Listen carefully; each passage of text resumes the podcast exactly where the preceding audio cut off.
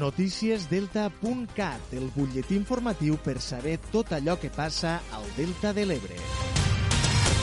Us saludem des de Delta.cat. Anem a repassar l'actualitat de la jornada. L'Ajuntament de Deltebre ha presentat el nou pla local de joventut. El nou pla és fruit d'una anàlisi del pla anterior, així com d'un procés de participació entre el jovent per detectar conjuntament necessitats i propostes. Entre les diferents sessions, tallers i enquestes realitzades, en total han participat en la confecció del pla al voltant de 500 joves de Deltebre. El nou pla local de joventut es projecta fins a l'any 2026 i engloba 89 accions específiques de diferents àmbits i dirigides a tot el jovent del municipi.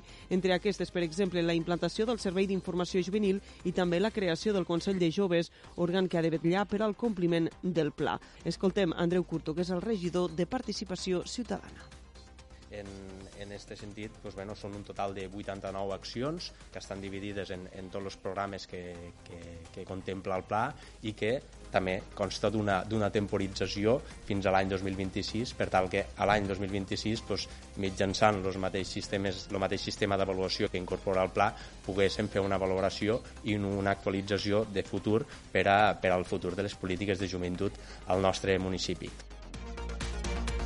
Des del govern municipal han explicat que la recuperació de la cambra arrossera de la Cava mitjançant una subvenció dels fons Next Generation permetrà desenvolupar amb major definició el Pla Local de Joventut de Deltebre, ja que aquest espai, entre d'altres, esdevindrà un punt de trobada i de cohesió per al jovent del municipi. També els expliquem que l'Ampolla participa un any més a la Fira Internacional de Turisme FITUR, que se celebra des d'aquest dimecres i fins al 22 de gener a Madrid. Un any més, l'Ampolla hi serà present amb l'objectiu de mostrar-se al públic com una destinació turística de primer nivell per a tot l'any. Sota l'eslògan Som la porta del Delta, l'Ampolla busca traslladar el missatge que el municipi no només són platges, sinó també que compta amb molts més atractius per al visitant. Escoltem Rosina Montero, cap de promoció turística de l'Ampolla.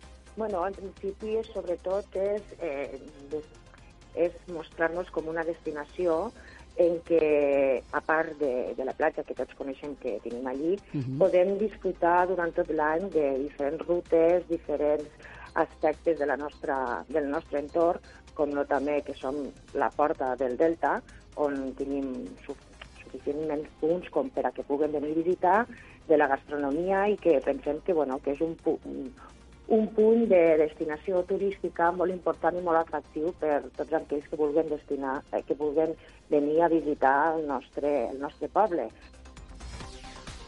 Fins divendres, l'Ampolla té prevista la seva assistència a Fitur per intercanviar experiències i donar-se a conèixer als professionals del sector turístic.